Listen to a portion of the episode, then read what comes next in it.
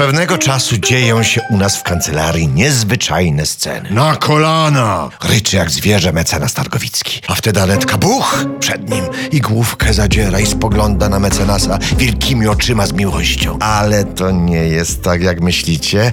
To po prostu ćwiczenia, widowiska, jakim naród pożegnać ma wybitną działaczkę partyjno-państwową poseł Krystynę. Kreatorkę stylu i smaku, podkreślił redaktor Zdrada. Wielce zasłużoną dla apostolstwa miłości bliźniego. Na kolana i przepraszać! Dudni zatem Targowicki, choć docelowo na scenie pod Jasną Górą zastąpi go oczywiście wierny aktor Celnik, a w roli narodu zamiast Anetki wystąpimy my wszyscy. Swoją drogą, zauważył redaktor Zdrada, wspaniale ją Trump uszanował. Jak to? Zaciekawiła się Anetka. Trump? Uszanował poseł Krystyna? Najwyraźniej zapamiętał, wyjaśnił Zdrada, że kiedy poprzednio był w Warszawie, poseł Krystyna wpadła w szczególne podniecenie. To prawda, zgodził się Targowicki. Jakby ją swoją wizytą mocno chwycił za serduszko. Więc teraz specjalnie przyjeżdża, tłumaczył zdrada Anetce. Niby na rocznicę wojny, a przecież akurat w czasie, gdy poseł Krystyna żegna się z polityką. A więc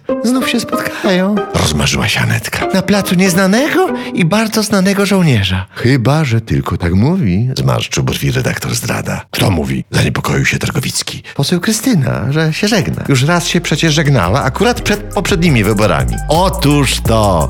Więc może nie ma powodu, by się martwić. Wróci, bo przecież zawsze wracają.